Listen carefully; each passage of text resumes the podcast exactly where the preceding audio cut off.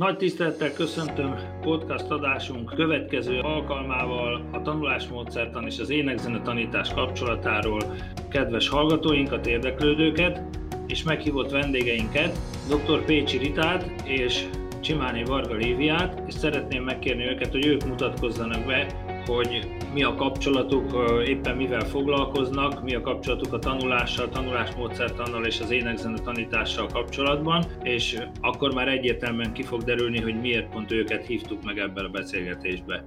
Rita, megkérlek tisztelettel, hogy kezd el a bemutatkozást. Én is szeretettel köszöntöm mindazokat, akiket érdekel az énekzene és a tanulás kapcsolata. Engem gyerekkorom óta érdekel, vagy azt lehet mondani, hogy nem is tudtam nem érdeklődni édesapám Pécsi Géza a kulcsa muzsikáhoznak a, nem tudom, nem tudom, az élője, vagy nem tudom, micsodája nálunk minden, minden csapból. A, a jó emberek nevelése zenével dolog foglalkoztatotta őt is, meg minket is, és nagyon-nagyon sokat hallottam meg, érzékeltem már akkor abból, hogy a zenének milyen nagy hatása van, az hát engem leginkább az embernek a nevelésére, és a, hát nyilvánvaló, hogy ez nem megy a tudásépítés nélkül úgyhogy engem a művészetpedagógia érdekelt a legjobban, ebből is doktoráltam azóta is, mindenféle áttételes módon is. Ez foglalkoztat, iskolát, óvodát alapítottam, vezettem, magam is zenetanárként a Zenekadémián végeztem, de azóta pont ez érdekel, hogy mit művel a zene az emberrel, és szerintem nagyon sokat, majd ebből talán a beszélgetésből is kiderül, nekünk is van négy gyerekünk, mindannyian zenéltek, nem lett belőlük zenész, illetve egyikből lett zenész, és a többiekből nem, de mindannyian élnek a zenével, nekem szerintem ez a nagyon fontos ebben a helyzetben, és magam is a mai napig vezetek kórust is, de öntevékeny kórust, én ezt szeretem benne, pont, hogy mit művel a zene az emberrel, és a, az iskola vezetésben különösen is az érdekelt, hogy a más tantárgyakra milyen hatással van, tehát nem kifejezetten csak a zenetanulásra, és azt hiszem, hogy talán ez a legnagyobb ereje, amit a zene képes művelni az embernek az idegrendszerével, agyával, gondolkodásával, és egyáltalán tanulásával. Most ez lehet, hogy elég ennyivel. Van már négy unokánk, és az ötödik is most születik, szerintem ez nagyon fontos. Köszönjük szépen a kedves bemutatkozást, és akkor átadnám a szót Liviának, hogy röviden te is meséld el, hogy hogy kerültél bele esetleg akár a tanulás módszertanba egy kicsit általam is, és hogy zenei, zenetanári pályán pedig hogy kapcsolódsz ehhez a témához. Köszöntök én is mindenkit sok szeretettel. Örülök, hogy erre a beszélgetésre sor kerülhet, mert ének zenetanárként nagyon sokáig egyedül éreztem magam. Vallom azokat a nézeteket, amit Rita is elmondott, hogy a zenének mekkora nevelő hatása van. És tulajdonképpen énekzenetanár is azért lettem, mert olyan volt az énekzenetanárom. Családomat is áthatja a zene, férjem is zenélt, igaz, hogy ő könnyű zenész volt, a gyerekeink is zenélnek, ugyan nem lettek ők sem hivatásos zenészek, de, de nagyon meghatározta az ő fejlődésüket. Először zeneiskolában tanítottam, most általános iskolában, normál általános iskolában énekzenét tanítok, és mindig kerestem az új módszereket, Azért, hogy minél jobban megszerettessem és elfogadtassam maga, magát a tantárgyat, nem a gyerekekkel, mert a gyerekek főleg kiskorban nagyon fogékonyak, hanem a a kollégák, az iskolavezetés, a szülők támogatását. Azok a szülők, akik felismerték, hogy a, a gyermek zenei nevelésének a támogatása mekkora haszonnal jár, hát nekik nem kell magyarázni, de azért vannak olyan szülők, akik ezt, ezt főleg a mai világban nem tartják fontosnak. És ez a tendencia, ezt, ezt látom, hogy az ének nem fontos, az egy pihendő tantárgy, és fontos lenne számomra az, hogy a fiatal kollégák, akik vállalkoztak erre a hivatásra, erre a pályára, ők alátámasztással tudjanak elindulni a pályán. Nekem nagyon sokat segített az, amikor elkezdtem felfedezni Ritának az előadásait. Nem is mindegyik énekzenéről szólt, hanem a, az agy működéséről. Aztán egyre több ilyen tudományos cikkel találkoztam, hogy hogyan is működik az agyunk, és hogy, hogy valóban, amit gondoltam és éreztem, meg tapasztaltam a tanítványaimon, a gyerekeimen, az, az tudományosan is alá van támasztva. Tehát most már nem csak a saját munkámban, hanem szeretném, ha fiatalok is ezekkel találkoznának. Köszönjük. A, pontosan erre vonatkozik a transfer a, a kérdésünk, mert van egy staféta kérdésünk, és az előző beszélgetésben matematika szakos kolléganők vettek részt, Valent Betty kolléganőnk a tanulni oldaláról, és Mészárosné Segesdi Zsuzsanna, aki szakvezető tanár ugye Kaposvárott, és főiskolai szinten is tanította matematika tantárpedagógiát, és pontosan azt mondták, hogy azt kérdezzük meg tőletek, hogy mind gondoltok az énekzene tanulás, tanítás, egyéb tantárgyakat érintő transfer hatásairól, amiről ugye elég sok tapasztalata van annak, aki, aki esetleg érintett a dologban, de nagyon sokszor én továbbképzéseken még azt tapasztalom, hogy a kollégák sem ott ülnek egymás mellett a tanáriban, de nem támaszkodnak ezekben a dolgokban egymásra, és sokszor újdonságként hat ezeket a dolgokat kimondani, úgyhogy akkor mondjátok ki ti tapasztalatból, hogy, hogy nektek mi a véleményetek az énekzene tanulás, tanítás, transfer hatásairól, hogyha megfelelő mértékben megvan az a hatás, amit, amit a zenélés, együtténeklés ad, akkor az egyéb tantárgyakban, képességfejlesztésben, tanulási struktúrákban hogyan jelentkezik? Ez a leges legtágabb és a leggyönyörűbb összefüggése szerintem a, a zenélésnek. Nagyon fontos, hogy ugye hogyan hat a zene. A zenének vannak automatikus hatásai, ezek is eredményeznek transferhatásokat is már, tehát nincs még egy olyan hatás, tehát azt mondják a kutatók, hogy semmi sem gyakorol az agyra olyan erős hatást, mint a zene, mert annyira, annyira széles körű, tehát nincs zenei érzékelőközpontunk, hanem az egész, egész agyat, hogy úgy mondjam, aktivizálja az egész idegrendszer, tehát a 12 nagy idegrendszeri folyamatból 11-re éles hatással van. Tehát nyilvánvaló, ezek automatikus hatások, tehát tetszéstől függetlenül, ezért majd egyszer érdemes lenne beszélni kicsit talán Mozart hatás, meg ezek a dolgok, hogy, uh-huh. hogy akár a tanulásban is, akár hogy hogyan hat de nem csak az automatikus hatások, hanem az, hogy a befogadás, tehát a zenével való élet, tehát itt ez nagyon fontos, hogy, a, hogy az élményszerű, tehát itt nem arról van szó, hogy megismeri a modális hangsorokat az IQ területén, hanem hogy valóban élünk a zenével. Na most ez a kutatás, ezek nem újak, ezek a kutatások, de Kodály Zoltán ebben hatalmasat alkotott, amikor észrevette, hogy jé, azok a gyerekek, akik sokat énekelnek, vagy akik zene közelében élnek, jobbak másban is. Tehát sok tántárban jobbak és ezért, eh, hogy úgy mondjam, felbújtotta a kollégákat, és ez a Barkóci pléféle nagy kísérlet, ami Kecskeméten zajlott, de már oda idejében, és nagyon érdekes, hogy olyan kontrollcsoportokkal és hosszú távon és hosszú, hosszú évekig és nagy csoportokkal vizsgálódtak, amelyek nem szűrt gyerekeket, tehát nem válogatott gyerekek voltak uh-huh. a zenével foglalkoztatottak, és volt például olyan kontrollcsoport, akik viszont válogatott IQ-jú gyerekek voltak. És ezekhez képest is azt lehet mondani, most ez lehet, hogy nagyképűen hangzik, de minden területen az évek során jobbat hoztak a zenével foglalkoztatott gyerekek.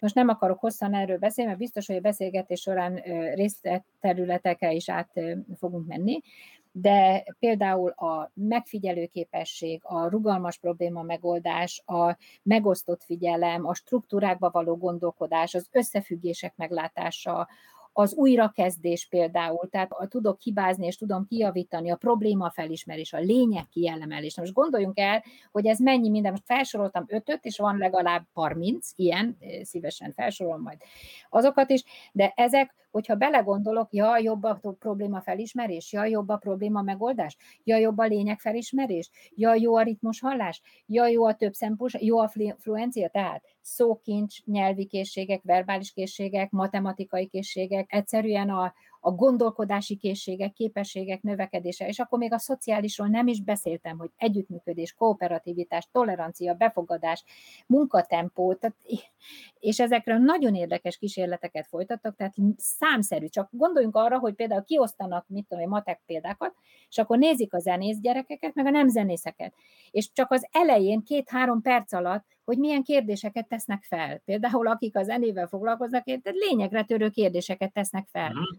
Akik meg nem, azért most akkor erre a papírra lehet-e írni, most megfordíthatom-e a papírt, színessel írhatok-e, hova írjam a nevemet, és a többi. Kevesebbet hibáznak, jobban helyrehozzák, tehát rengeteg ilyen, ilyen transfer hatása van. Szerintem a legerősebb hatásrendszer a zenének a transfer hatása. Nagyon belekérdezett az illető, úgyhogy röviden ennyit. Livi, a te tapasztalatod, mert, mert nagyon benne vagy a gyakorlatában a dolognak, és látod a gyerekeket, hogy hogy, hogy reagálnak azok, akik zenét tanulnak, és akik kórusba járnak. Igen, most egy dolog ugrott be nekem hirtelen, sok-sokból tényleg, a zenész gyerekek a, az emlékeiket sokkal jobban tudják tárolni, előhívni. Olyan, mintha egy-egy dolgot több címkével tudnának föl, fölcímkézni, tehát jobban hozzák elő, és ez azért érdekes, mert a tanulnióban mi pont arra törekszünk, hogy a gyerek, amit egyszer elolvasott, azt megjegyezze és elő is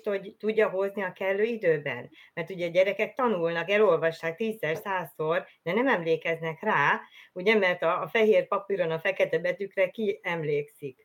Viszont a zenész gyerekek, vagy akik sokat hallgatnak zenét, énekelnek, az agy működésük olyan, hogy érzelmeket tudnak kötni dolgokhoz, ami velük történik. És tudjuk, hogy amihez érzelem kötődik, akár pozitív, akár negatív, arra emlékszünk. És hogy a zenész gyerekek ebben nagyon jók, sokkal jobban működik a memóriájuk. Hát ezt, ezt mondják úgy divatosan, hogy beköti a jobb vagy féltekét a tanulási folyamatba, ugye? Azt olvastam nem is olyan rég talán a tanulás forradalmában, hogy egy Georgi Lozanov nevű bolgár nyelvész tanár tanította az amerikai hadsereg katonáit német meg, meg spanyol nyelvre, és a memorizálás idejére, ar- arra a tanulási szakaszra, ami ugye egy csendes folyamat elvileg, ez a újraolvasom, újra ellenőrzöm, rajzolok róla, stb. belső képalkotás. Erre barokk zenét tett be, Vivaldit vagy Mozartot, meg kísérletezett is vele, és az derült ki, hogy a 70 és 80 percenkénti leütés számú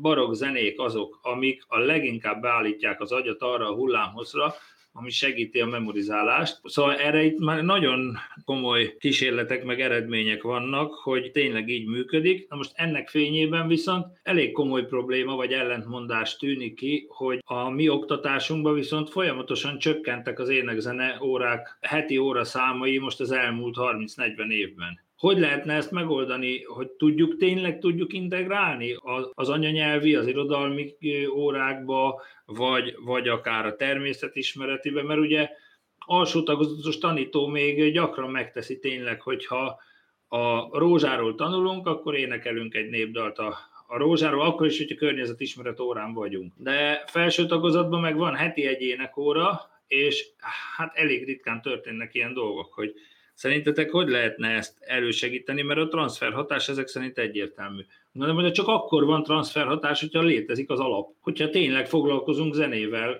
meg énekelünk csoportban, akkor hogy tudjuk elérni azt, hogy, hogy csökkenő énekzene óra számok mellett meg elég alacsony, az, a, erről most nem néztem felmérési adatokat, de jó lenne megnézni, hogy az átlag évenkénti 91 ezer magyar gyerekhez képest hányan tanulnak aktívan zenét, mert csak az ő esetükben lesz, mi, mi tudjuk azt, hogy ez a transferhatás létezik, és nagyon jó, de csak annál, aki, aki foglalkozik zenével, meg énekel csoportos, hogy hogy lehetne azt elérni szerintetek, hogy, hogy ez az alap ez meg, megvalósuljon, valahogy megtörténjen, annak ellenére, hogy a, a deklaráltan rászánt idő elég kevés. Én azt gondolom, hogy mindenhol a, a helyi szándék, és hogyha elég fontosnak tartunk valamit, akkor az, azért teszünk. Tehát láttam már olyan iskolát, akik tettek érte, és láttam olyanokat, akik nem.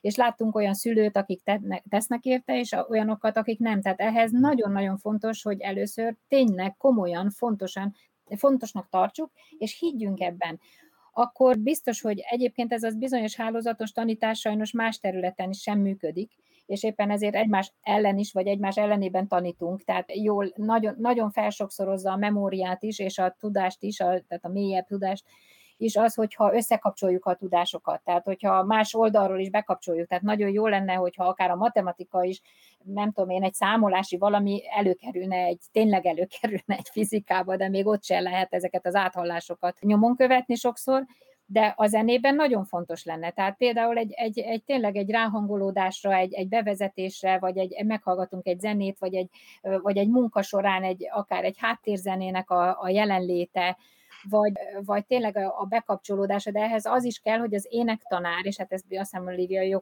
jól látja, hogy az énektanár és a többi tanár között legyen egy ilyen kéz alá dolgozom. Tehát, hogyha az énektanár is mondjuk nem a dó keresésével tölti az időt, és ott is nagyon Szóval bajos az a dolog szerintem, hogy a heti egy énekorának milyen feladatai vannak, és hogy ezt én magamnak mit gondolok erről, mert én mindig le is szűrtem ezeket a feladatokat, tehát biztos, hogy a legfontosabbakkal kell kezdeni, azért, hogy ezt kézre játszhassam, hogy esetleg tényleg valóban egy környezetórán is, vagy akár sajnos már az alsósok is szét vannak szabdalva a nagyon szakterületre, tehát az se biztos, hogy a környezetet tanító bizony a rózsát elénekli, és az se biztos, hogy a heti két órát sajnos a tanító valóban énekre használja, hanem ott bizony mindent csinálnak, nagyon-nagyon gyakran, mert nem tartják eléggé fontosnak. Tehát ez egy nagyon-nagyon lényeges dolog. Frany Tamás, tehát Lozanova a, a, az automatikus hatásokkal foglalkozott. Frany Tamás a memóriával foglalkozik. Frany Tamás agykudató és nem zenész.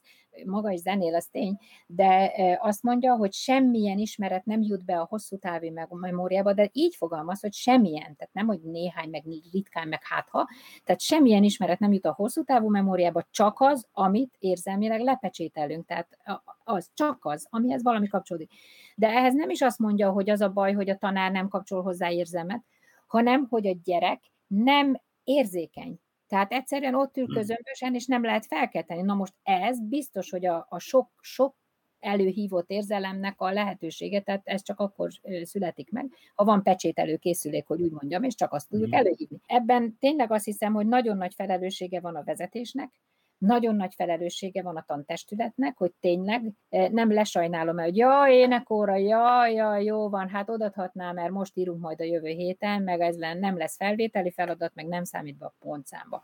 Tehát ez, ez igen lényeges. Egy kicsi kis zárójelbe felidézném, 2017-ben volt a Guardiannak, ugye angol lap, egy ilyen, fú, hát nagy felfedezés számba ment. Volt egy iskola, ugye ott nem PISA teszteket csinálnak csak, hanem SAT teszteket, vagy nem tudom, hogy hívják mhm. ezeket, de ezek keményebb tesztek, mint a PISA tesztek, mert csak a teljesítményt figyelik. És az a baj, hogy aki nem teljesít abban az iskolát rendszerben, azt az iskolát bezárhatják. Tehát nagyon nagy tétje volt az iskolának, mert nagyon rosszul teljesített a SAT teszteken. Hát nem csoda, mert nem is voltak angol, nagyon sok bevándorló volt az iskolában. 99%-a nem angol anyanyelvű volt, és azt angolul tanították, tehát ugye azért képzeljük el a helyzetet és mindenbe zuhantak le a mutatók, és akkor azt mondta az igazgató, hogy nincs mit vesztenem, nem tudom, mit csináljak. Megpróbálhatjuk azt, hogy még több ilyen tesztre felkészítő matek óra, meg korepetálás, meg nem tudom mi, de akkor még jobban megutálják a gyerekek, mert nagyon nagy volt a hiányzás is, és még ki, is maradnak, akkor biztos becsuknak minket. És azt mondja, hogy hallottak Kodály módszerről, érdekes módon, és azt mondja, hogy bevetem és betolta a délelőttbe a mindenféle dráma, ének, foglalkozás, nem tudom én, gyerekek zenéltek, kórusóra volt, ez meg az meg, tehát gyakorlatilag része lett az iskolának a jobb és tevékenységek, művészetek, játék, nem tudom, játékos probléma megoldás, egymással megjelenítés, stb. fantázia, ilyesmi, ezek mind a jobbosok, és betolta, hát ezt itt most mindjárt meg is nézem az eredményükre, azt mondja, matematikából például 2,4 pontos lemaradásban voltak, és amikorra ez egy pár év, 6,5 ponttal meghaladták az országos átlagot a retteget tesztekkel. A hiányzások mértéke jelentősen lecsökkent, mert szerettek iskolába járni, és érdekelte őket, ami ott egyáltalán történik. Most nem mennék ebbe bele, Ezer ilyen vizsgálatunk van, nem csak ott, nem csak máshol, Németországban, Ausztriában, Svájcban is, tehát hogy nem kellett növelni azokat a, a bajos területeket, és a zene hozzásegítette a javuláshoz. De ehhez de tényleg ismerek én is olyan iskolákat, ahol átjárja a, a művészet vagy a zene a többi tárgyat is, de ehhez nem kell sok perc. Tehát ez az kell csak, hogy, hogy felidézzünk egy valamit, meghallgassunk egy valamit, vagy legalább utaljunk arra, vagy legalább ne fújjunk arra a tanárra, hogyha véletlenül elviszi egy élőzenei koncertre az én órámon. Tehát szerintem ezek az apró megoldások nagyon sokat segítenének. Lévi, nagyon bólogattál, tehát van mondandód. Nagyon-nagyon lényegre tapintottál. Valóban nagyon nagy feladata az énektanárnak az általános iskolában az, hogy a kollégákat megnyerje magának. Tehát kell egy személyiség hozzá, nagyon elhivatottnak kell lenni. Nekem vannak sikerélményeim, például alsós kollégákkal, akikkel meg tudtuk már azt oldani, hogy az egész iskola énekelt egy dalt karácsonykor Tehát azt a felemelő érzést, amikor az alsósok, felsősök együtt énekelnek, osztályról osztályra menve tanultuk a dalt, de ehhez kellettünk páran, hogy összefogjunk, és a többieket is meggyőzzük, hogy de igen, akkor ezt kell próbálni, gyakorolni, de megéri. Matek órákkal kapcsolatosan is van tapasztalatom, hogy tudom, mikor tanulják a törtet, hogy akkor a ritmusokat úgy dolgozzuk fel, tehát abból a szempontból is megnézzük, és élvezik a gyerekek, hogy vágunk, rajzolunk, és ki ezzel a módszerrel, ki ezzel a módszerrel, fölfogja, hogy ja, hát ez ez, ez a tört, meg hogy így, így is el lehet képzelni, és akkor így, így a matekot is jobban megérti, és, a, és az időt is a zenében sokkal jobban érzékeli. De a németes nyelves kollégák rendszeresen énekelnek. Van, hogy odahoznak egy kottát, hogy ez, ez hogy is van, énekeljen, mert és akkor már megy. Tehát amikor az ego úgy tud úgy működni, hogy, hogy jó, én ezt nem tudom, de megkérdezem, és mégis csinálom. Mikor ilyen kollégákkal vagyok körülvéve, akkor úgy érzem, hogy van remény. Az igazgató is támogat, meg, meg citerázhatunk, meg furujázhatunk, meg a, a településen a, a nyugdíjasok és egyéb intézmények óvodával olyan a kapcsolat, hogy meghívnak bennünket, és a gyerekeknek hatalmas sikerélmény az, hogy ők oda kiálltak, szépen felöltöztek, megtapsolták őket. Az óvodából jövő gyerekek már látják, hogy hova jönnek. Tehát ez, ez nagyon nagy erő, és úgy érzem, hogy ez, ez így fejlődik, de, de ez így kell csak. És tényleg nem az énekórán múlik az egész nem az énekkorán múlik. Ha alsóban rendszeresen, ahogy Kodá is mondta, hogy rendszeres munkával, játékosan, a zenéből kiindulva tanulnak a gyerekek, és nem mindig matekoznak helyette mondjuk, akkor, akkor fősőben még a gyerek kívánni fogja az énekórát. Igen, de fordítva is igaz, nem? Hogyha ez nem épült fel, nem akkor épült be piciként, akkor jön az, hogy hetedikben jön a prepubertás, a lányoknál előbb, a fiúknál később, Igen. akkor hú, de ciki, hogy magyar népdalt énekelünk, hallgassunk már inkább egy kis repet vagy technót. Tehát, mert, mert ezek, most... az, ezek az évek pótolhatatlanok. Tehát Koda is elmondta, hogy egy szakmát meg lehet tanulni 20 évesen is, meg idősebben is, de az, az énekzenei képességeket fejleszteni csak gyerekkortól folyamatosan egymásra épülő munkával lehet. Ha ez kimarad, akkor elveszett. Vagy, vagy csak nagyon keserves, és csak egy része jön vissza. Tehát ez nem, ehhez ragaszkodni kell. Én most már elértem azt, hogy első osztálytól tanítok, és boldog mm. vagyok, mert hát minden problémát meg szörnyűséget kárpótol, az, hogy alsóban tanítani lelkes, mosolygos gyerekeket, akik élvezik, ezért érdemes. Ez, ez egyébként egy nagyon fontos kulcsszót is kimondta, egy sikerélmény, mert ez megint a tanulási folyamatoknak egyik legerősebb transfere, nem? Tehát, hogyha sikerül elérni azt, hogy például közösségi énekléssel egy jó érzés keletkezik, hát ha még meg is tapsolnak bennünket, hát ha még meg is dicsérnek érte bennünket, hogy együtt megtanultuk, és milyen szépen szólt, de még ez se fontos, mert én például gyerekkoromtól elmerem magamról mondani, hogy az, hogy hogy odaállok a vasárnap a, a kántor mellé, és együtt énekelünk annyi emberrel, ahányan ott vagyunk, olyan énekeket, akit, amit több száz éve is a magyarság ugyanez. Ez egy nagyon felemelő érzés. De az biztos, hogy olyan erősnek se éreztem még soha magamat életemben, mint amikor 1981 novemberében a Magyar-Norvégon 80 ezer emberrel együtt énekeltük a himnuszt. Tehát ezek, a, ezek az élmények, hogyha megvan a gyerekekben, megvannak ezek a lehetőségek, és kötődik hozzá sikerélmény, már pedig kötődik, mert az elismerés ott van. Én azt ezért szoktam biztatni a kórusokat, kórustagokat, meg a néptáncosokat azzal, hogy figyelj, ti mindig nyertek. Ugye én sportoló vagyok, ott a legjobb felkészülés mellett is előfordult néha, hogy el kellett viselni a vereséget. De aki kiáll egy énekkarral, vagy egy néptánccsapattal, mindig megtapsolják, és ott mindig sikerélmény van, és az mögött is tanulás van, meg befektetett munka. Tehát szerintem egy rendkívül jó transfer hatása ez annak, hogyha valamibe időt, energiát áldozol, odafigyelsz rá, közösségi szinten együtt akarjátok, hogy szép legyen, jó legyen, akkor annak van értelme, az, az, az sikert ad, és ez minden más tanulási folyamatban, vagy későbbi munkafolyamatban is talán érvényesülni fog. A, az éneklés, a közös éneklés, ennek van automatikus hatása. A legjobb és a legközvetlenebb összerezgést adja az emberek között, és ez önmagában is tele van jutalomhormonokkal, tehát el vagyunk árasztva olyankor. Tehát akkor is, ha nem állunk ki a, a színpadra, ezért érzed azt, hogy, tehát, vagy érezte Livi is azt, hogy ott, amikor megszólal az, hogy most mindannyian ezt énekeljük, akkor az, az azt, az alapörömöt, amit egyébként is jelent a zenélés, mert a zenélés örömszerző tevékenység, tehát idegrendszerileg is örömszerző tevékenység, tehát ezért érezzük, ezért jó a szorongásoldó hatása, stb. Még ha magunkba dudorászunk, még az is, vagy a fürdőszobába a zuhany alatt, ha énekelünk, tehát ez így van. De hogyha ezt együtt csináljuk, ketten, hárman, öten, heten, nyolcvan ezren, akkor az fel sokszorozva, felszorozza ezt az élményt, tehát azt élem át, mint hogyha 80 szorosan, vagy 80 ezer szorosan vennék benne, alig bírom ki. Tehát ezért például az együtt csápolás, meg mit tudom én, a koncertek, stb. együtt dübörgés, együtt tapsolás, e, ezek mind felsokszorozók, de hát a zenével ez, ez, ez különösen is annyira erős. Na most maga, amikor kimondtuk azt, hogy dopamint termel a zenélés, ez ugye azt is jelenti, ez egy belső doppingszer, tehát motiváló szer. Tehát ezért például a munkadalok is annyira jól működnek, hogyha mögé teszel, vagy egy ritmus, mert egyszerűen dopingol. Tehát ez, ez nem, nem, nem belemagyarázás, és nem egy ilyen nagyon szép romantikával leöntött valami, hogy jaj, zenével minden sokkal jobb. Hát zenével tényleg minden sokkal jobb, jobban megy, mert ezek a hatások testileg is megtámogatják azt, amit egyébként ugye szellemileg, lelkileg is átélünk.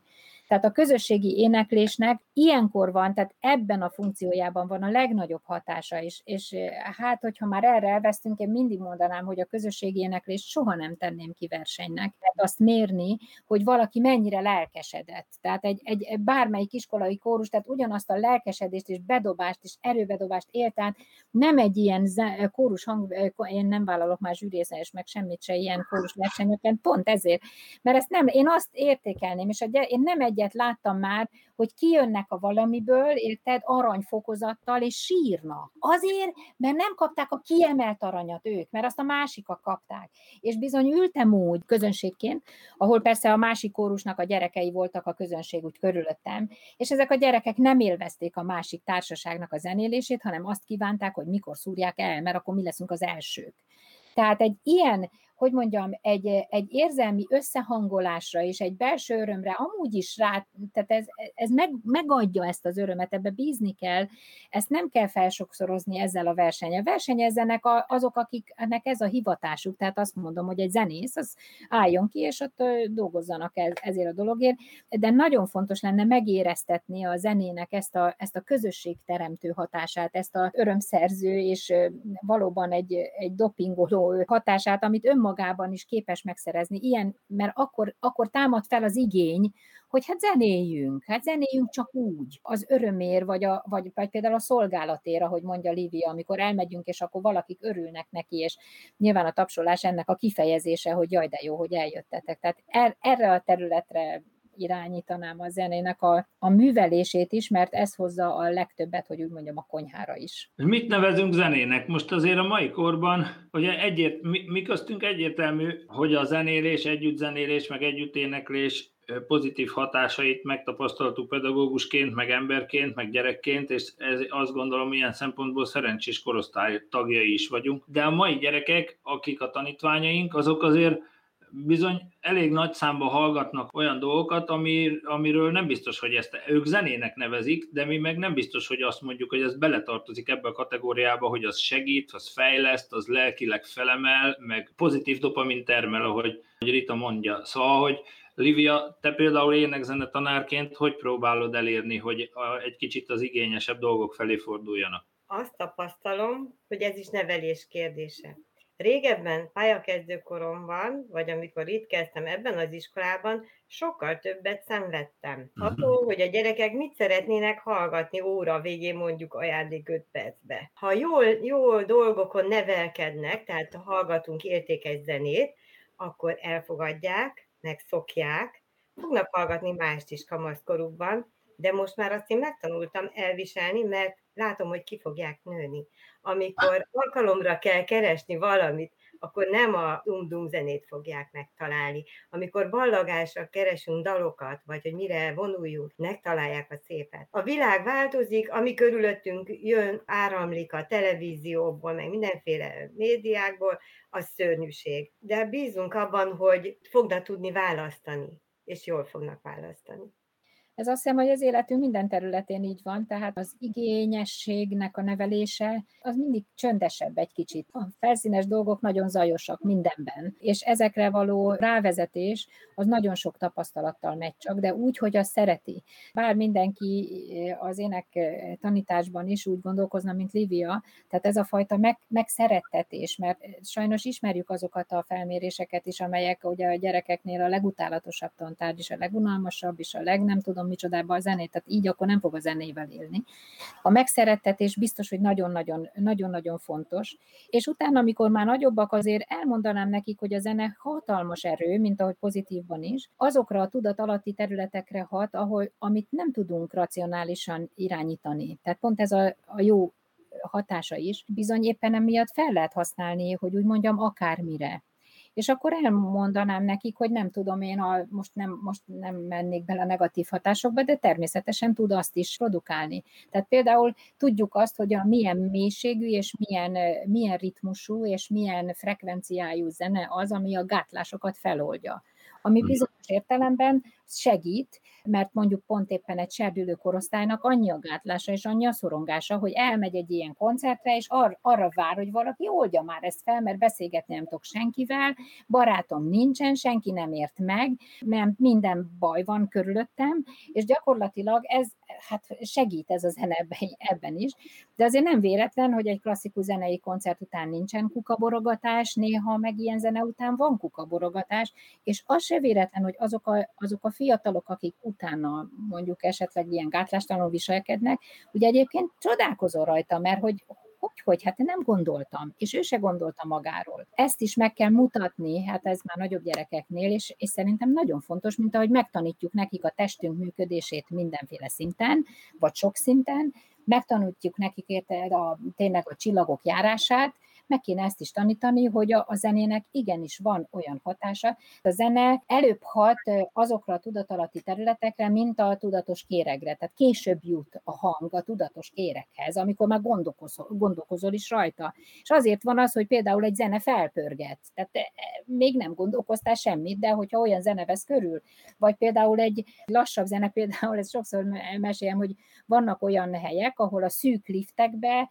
klasszikus, nagyon szép, áradó zenét kell bejátszani, hogy a, akinek klaustrofóbiája van, vagy csak kezdődő, hogy ne érezze magát beszorítva, mert például ez tágasságot indítanak el, ez tágasság érzést segítenek az emberbe, és kibírod azt, amíg ott beszorítva itt vagy például. Vagy van fájdalomcsillapító hatása, van nem tudom. Szóval ezt az, ugye a Lozanov is fedezte, hogy a, a milyen, milyen ritmusú zene, tehát például a szívverést, meg a, a vérkeringést, tehát szabályozza, tehát a vérnyomást is egyszerűen beállítja, tehát beállok arra a ritmusra, nagyon sok és nagyon, hogy mondjam, megköszönjük ennek a hatását, de természetesen aminek van pozitív hatása, van negatív oldala is, és azt is fel lehet használni, és erre fel kell készülni. Mi tanultuk, minden róla nem tudjátok, de tanítóként énekspeckolon végeztem annak idején, tehát én is tanultam, de a mai szülők már nem tudják, szerintem annyit beszélünk róla, de nem tudják igazából, hogy mi a Kodály módszer. És azért mi nagyon hittünk benne, meg még most is mindenki hivatkozik Kodály Zoltára, de én, ahogy járom az általános iskolák világát, azért elég sok énekzene szakos tanár elmondja, hogy na ez a leheti egy órával azt már nem nagyon lehet megvalósítani. Egy kicsit akkor mm, meséljétek el, hogy a mai szülők is megértsék, hogy mi volt ennek a lényege, vagy hogy tudnánk a magyar népdalhoz közel vinni a gyerekeket egy kicsit, akár szülőként is, és hogy mi annak a, a segítő, meg fejlesztő hatása, ha megtesszük. Kodály módszer valóban ismert kifejezés, meg azt is tudjuk, hogy világörökség, de a lényegét valóban már kezdjük elkoptatni, sőt vannak olyan kollégák is, akik már nem hisznek benne, de szerintem azért, mert nem is találkoznak azzal, ami a valóban ami. A Kodály Intézet nemrég indított egy folyamatot, amiben pedagógusokat képeznek, újra bemutatják, hogy a kezdetek, amiről Rita is beszélt, hogy hogy, hogy kezdtek odáig kidolgozni, és hogy mik voltak az elképzelései. Igazából ez nem egy módszer, amit meg kell tanulni, hanem ez egy felfogás, hogy hogyan tanítunk, amikor a gyerekeknek az életkori sajátossághoz igazodva természetes közeg az éneklés, a mozgás, a játék, és ebben nőjenek fel, és akkor természet is, is marad nekik, hogy hogy énekelünk, és hogy ez jó, és eközben rengeteg készséget fejlesztünk, észrevétlenül. Igazából ezért is kezdtem kutakodni új módszerek között, így találtam rá a tanulni jóra is, hogy igazából a valóságot, azt csináljuk, ami az eredeti, és hogy meg tudjam mutatni másoknak is, a kollégáimnak először, később pedig, hát ha alkalmam nyílik, akkor másoknak is, fiatalabbaknak, az utódomnak, bárkinek, hogy folytatódjon az, amit Kodály elképzelt, és ami működik, ha úgy csináljuk, ahogy megálmodta és felépítette. Dr. Páli Judit, a Református Egyetem nevelési elektroni docense egyik előadásában hallottam egy ilyen mondatot, hogy a magyar népi gyermekjátékokban minden fejlesztő lehetőség megvan, csak csinálni kéne. Így van. Szóról szóra, így van, igen. És az se lenne baj, hogyha ha valaki nem ének speszkólos, de, de arra vállalkozik, hogy tanít éneket az osztályában, alsóban, csak szóról szóra megcsinálna, ami egy jó tankönyvben szépen szisztematikusan felép van építve, már nagyon sokat javított volna a helyzeten. Nagyon szomorúnak találom azt, hogy csak az énekel, aki ének speckolós, vagy az is néha. Tehát ez, ez, ez olyan, olyan mértékben, hogy mondjam, kivette annak az erejét, amit Kodály Zoltán gondolt, pontosan amit látott, hogy azok a gyerekek, hát azok nem voltak ének speckolós szülők, meg falvak, ahol énekes játékokat játszottak. Egy zsibzsupot lehet játszani, de borzasztó, és jó persze igen, hogy egy ringatóba, hogy újra kell tanulnia a kerekecske gombocskát a mostani szülőknek, mert nem tudja, hogy a nyuszi ül a fűbe az hogyan is van. Ezek, mert hogy, hogy egy ilyen speciális teljesítményt csináltunk a, a zenélésből, és azt hiszem, hogy itt lugozódott ki a Kodály módszer sajnos, amikor a cél elment. Tehát a Kodály módszer nem a szolmizálás, mert nagyon sokan ezt gondolják, és valóban azt nem lehet egy heti egy órában megtanítani, tényleg nem lehet, de nem kell, és Kodály se ezt gondolta, azt gondolta, hogy ha már van, hogy minden nap foglalkoznak a zenével, akkor meg is tudod tanítani annak az írás-olvasás módszerét is, amiben sokat adsz neki.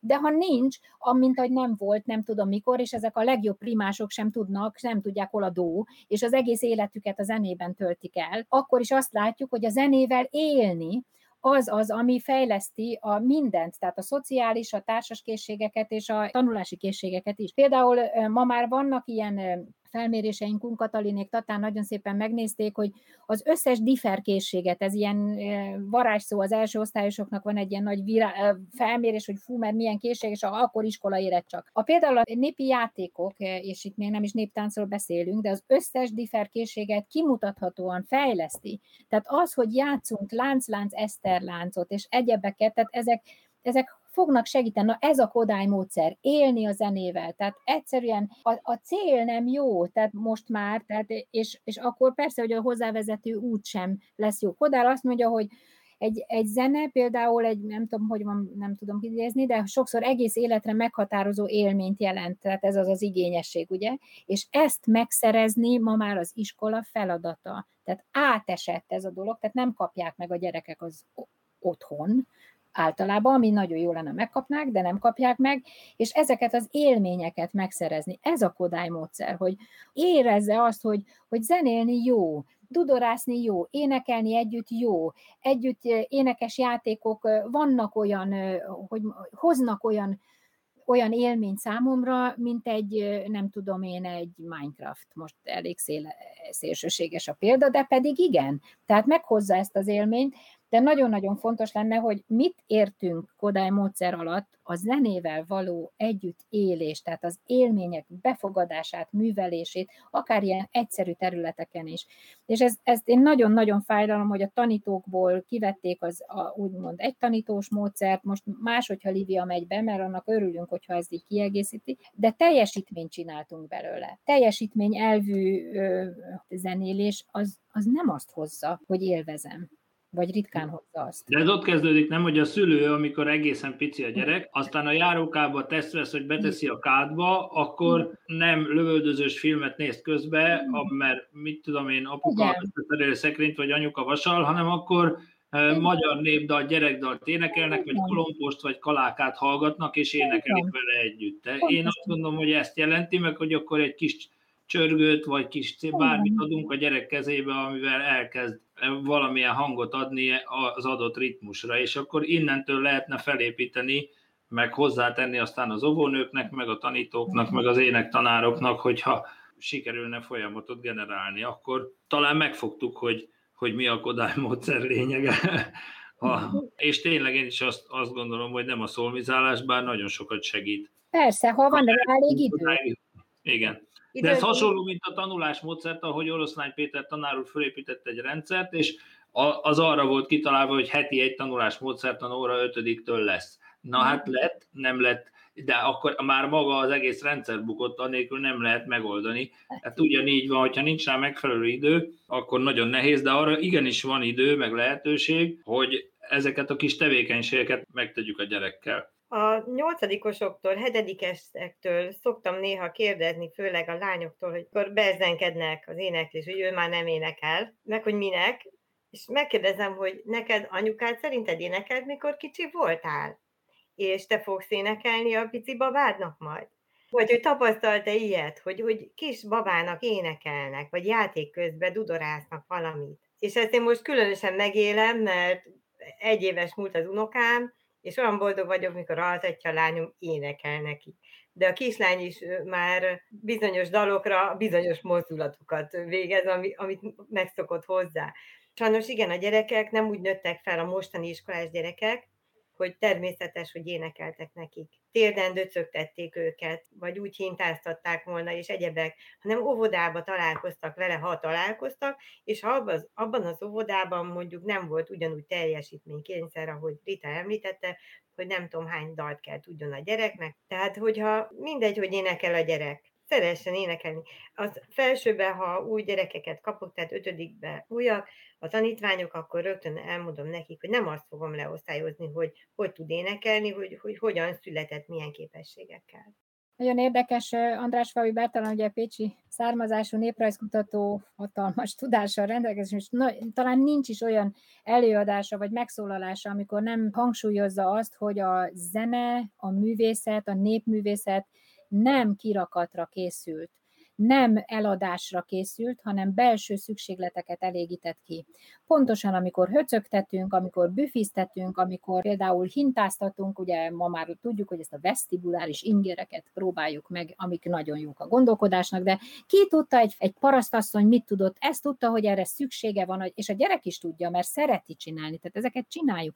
Na most ezek nem erre készültek, hogy ebből ugye mennyiséget termeljünk, hogy hányat tud, meg hol tud kiállni vele, meg nem tudom micsoda, hanem csináljuk. Tehát ahogy mondja Livia, hogy a, a természetes életfolyamatba szőjük bele, hogy ebbe bele tartozik, hogy ilyet játszunk, és ebben a oktatási rendszerbe is bele lehet szőni.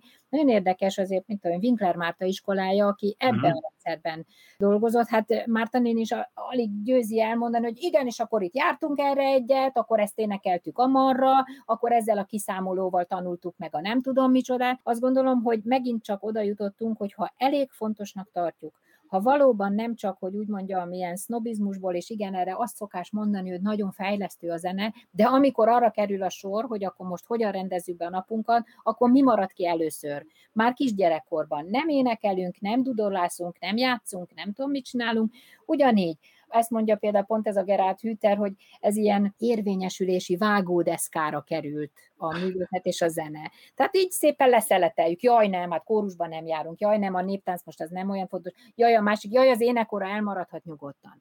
Elég fontosnak tartjuk-e, és valóban tényleg hiszünk-e azoknak, legalább azoknak a kísérleteknek, ha már azt lehet mondani, hogy az évszázados vagy ezredes tapasztalatoknak nem hiszünk, amit András Favi Berci bácsi olyan sokszor mond, hogy, hogy nem létezett kultúra ilyen zenés játékok nélkül, vagy, vagy énekes játékok, vagy énekes közösségek nélkül.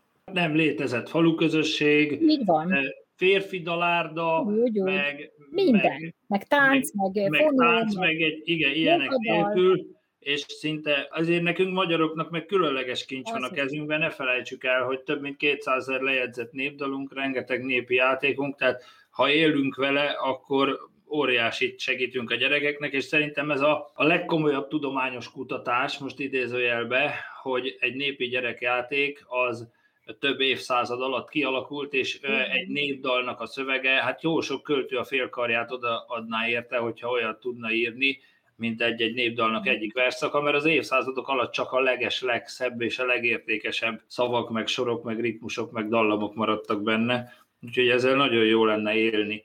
a transfer hatással kezdtük, akkor most fordítsuk meg így a vége fele, hogy van-e ez visszafelé, mert az a, én mondom, mint humán, humán értelmiség, hogy humán szakos tanár, hogy, hogy sokszor irigykedem, mert én zeneileg nem vagyok annyira tehetséges, mint ahogy szeretnék, csak ez a kocagitározás már elvisz odáig, hogy látom, hogy hú, de jó, mennyivel ügyesebb, meg jobb, meg tehetségesebb az a valaki másik. Hogy miért van az, van ennek valami visszafele ható transferhatás, hogy miért van az, hogy én jó sok matek fizika szakos tanárt, meg orvost ismerek, akik nagyon jó zenészek. Hogy van-e ennek visszafele is hatása, hogy hogy működhet ez? Mire érted pontosan ezt? Hogyan? akik mondjuk a, az arányokkal, meg az exakt tudományokkal foglalkoznak, azokban ez a belső rendszer, a többfelé koncentrálás, a, hogy a belső hallás valahogy jobban kialakul, vagy ez, vagy ez véletlenszerű, mert amikor a kislányom elkezdett zongorázni, és én kis oktató videókat, meg gyerekekről milyeneket megnéztünk, akkor találtam egy nagyon érdekeset. Egy nyolc éves kislány azt mondta az első zongoraleckéje felvétele előtt, hogy vagy amit így, amiből csináltak oktató videót a zenetanárával, hogy a zongorázásban két dologra kell figyelni, az egyik kézre, meg a másikra. Hát igen, és a, és mindjárt. Aki ezt tudja így együtt, az már, az már nagyon szerencsés. Szóval, hogy ez hogy lehet, hogy, hogy a, azért a, a reál értelmiségben elég sok zenebarát, meg zeneértő, zenéni tudó ember van. Ne felejtsük el, hogy ezek nem felnőtt koráb, korukban tanultak meg zenélni, hanem fordítva mm-hmm. történt a dolog, hogy először foglalkoztak zenével, lehet, hogy az édesanyjuk sokat énekelt nekik. Nagyon érdekes, hogy a, amint mondtam, hogy a zene az idegrendszerben nem egy központhoz köthető, hanem az egész idegrendszerre hat, és aki ezt viszonylag intenzíven műveli, annak tulajdonképpen egy olyan, tehát ez, ez a hatást, ezt úgy képzeljük el, a, a legjobb mintázatba szervezi az agyat éppen akkor, tehát például egy Mozart zene meghallgatása az elvont gondolkodáshoz azonos mintázatot hoz létre, tehát ugyanolyat. Tehát magyarul nem azt mondja, hogy felnyomja az IQ-dat, de hogy az ikudat a legjobb, tehát például az elvont gondolkodás befogadásának a legjobb állapotba hozza. Tehát olyan, mintha a vállamról indulna, tehát felállhatsz a mhm. vállamra, és úgy mhm. indulna. Na most, amikor azt látjuk, hogy ezek a, ezek a reál emberek, jó zenészek is, akkor azt tapasztaljuk, hogy ugye nagyon közel van a reál gondolkodás és a, a zene befogadásának az idegrendszeri állapota. És ezek uh-huh. gyakran közel kerültek, megerősödtek ezek a kapcsolatok, és ezért szívesen is, például Einstein is azt mondja, hogy ha nem jön össze valami, tehát valami nem jut eszembe, vagy megakadok a, a logikus gondolkodásban, akkor mindig megállok, és hegedülök. Ezt a lánya is mondta, hogy, hogy tulajdonképpen intuíciót ugye így nyer. De ugyanúgy például, ahogy mondod, a rendezettség, a ritmus, a logikus gondolkodás, a kitartás, a, a végigvitele egy problémának, a kifejtése valami, ez mind, mind összefügg a, a zene művelésének az idegrendszeri állapotával. Tehát azt lehet mondani, hogy nagyon logikus az, hogy természetesen e, ezek az emberek általában szeretnek és jól zenélnek, vagy akár a képzőművészeteket is ide lehet, sokan jó festenek is, és mert ugyanazok az idegrendszeri területek erősödnek oda-vissza ha egyáltalán ez volt a kérdésed, én így... Igen, igen, absz- abszolút igen. Én kaptam választ. Zivi? Még egy dolog eszembe jutott a kérdésed közben, hogy azért az, arról se feledkezzünk el, hogy a szülőknek szólva a zenélés, az együtt zenélés közösségben. Tehát ha, ha egy gyerek tagja egy kórusnak, és kitartóan dolgozik benne, vagy talán még felnőtt korában is, vagy fiatal korában maradt tagja egy kórusnak, olyan közösségben van, ahol fejlődik a személyisége. Tehát biztonságban lehet tudni a gyerekünket azzal, hogy egy jó közösségben nő fel, mint például egy jó összetartó sport közösség, egy csapat. Tehát, mint szülő, tudjuk, hogy, hogy nehezen engedjük el a gyerekeinket valahova, meg hogy kikkel barátkozik, nagyon fontos a kortárs ráhatás. Ha, ha tud haladni egy kórussal, és abban dolgozni, az egy életre szóló alap, mert ott olyan barátságokat tud kötni, ami akár élete végéig is elkísérheti, vagy hatással lehet rá, vagy éppen ott találja meg a párját. És ez mondjuk nem csak énekkar lehet, lehet egy zenekar, vagy a fiatalok alakítanak kamaszkorukba, középiskolás korukba, egyszer csak hopp alakítanak egy bandát, és, és azzal töltik az idejüket, hogy próbálnak, meg komponálnak. És pedig addig esetleg nem is annyira érdekelte, vagy abba hagyta a zeneiskolát már, de, de jön egy olyan korszak, amikor előveszi. Vagy volt olyan tanítványom, akinek nagyon fiatalon halt meg az édesapja. Zongorista kislány, jó képességű, de nem ki, kiemelkedő tehetség, megtanulta a kedvenc dalát fejből, és az édesapja temetésén azt a dalt játszották el, amit ő zongorázott, tehát ő maga. Így segített neki feldolgozni ezt a hatalmas traumát. És sorolhatnánk még gondolom itt ilyen példákat, hogy mennyi területen segít a zene. Tehát akkor azt javasoljuk a kedves szülőknek, hogy sokat énekeljenek zenés játékokat, játszanak a gyerekükkel, és azt javasoljuk, hogy ne legyen olyan magyar általános iskola, nincs kórusa. Ezek a szerény javaslataink.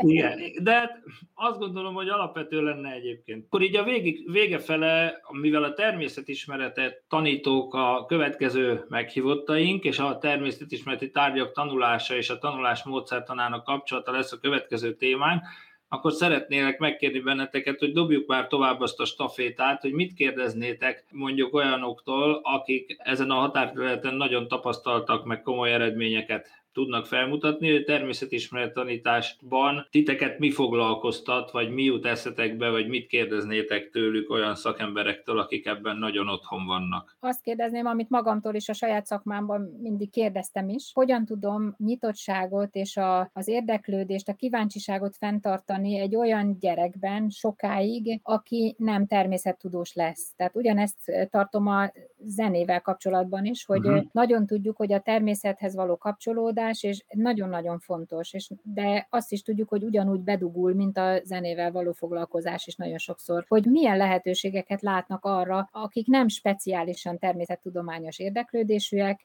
azoknak az életéhez hozzátegyen a természettudományos oktatás és nevelés hosszú távon. Tehát ne csak úgy, hogy majd meglátod, fiam, hogy majd ez hasznodra lesz. Tehát... Igen, mert középiskában le kell érettségizni földrajzból. Igen, Igen, hogyha le kell, de, de ez se elég motiváló egy ilyen tizenévesnek, vagy egy hét évesnek se. Tehát... Jó, ez, ez nagyon jó kérdés, szerintem örülni fognak neki. Livi, hozzátenni valamit? Nem, ez teljesen Nem, ez így jó. Nagyon szépen köszönöm mai vendégeinknek a beszélgetést, a nagyon sok szakértő véleményt, gondolatot, tapasztalatot, amivel nagyon gazdagodtunk. Én úgy érzem, hogy én magam is, és remélem a hallgatóink is. Egy kis nyári szünetet beiktatva szeptemberben folytatjuk podcast sorozatunkat a természetismeret tanulás, a természetismereti tárgyak tanulása és a tanulás módszertan kapcsolatáról. Addig is hallgassanak bennünket a Spotify-on, az iTunes-on, a Google Podcast-on, és természetesen honlapunkon a tanulnió.hu blogjai között is megtalálják adásainkat. Nagyon köszönöm a figyelmet, a hölgyeknek pedig nagyon köszönöm a részvételt. Én is köszönöm a lehetőséget. Én is köszönöm, minden jót. Szervusztok!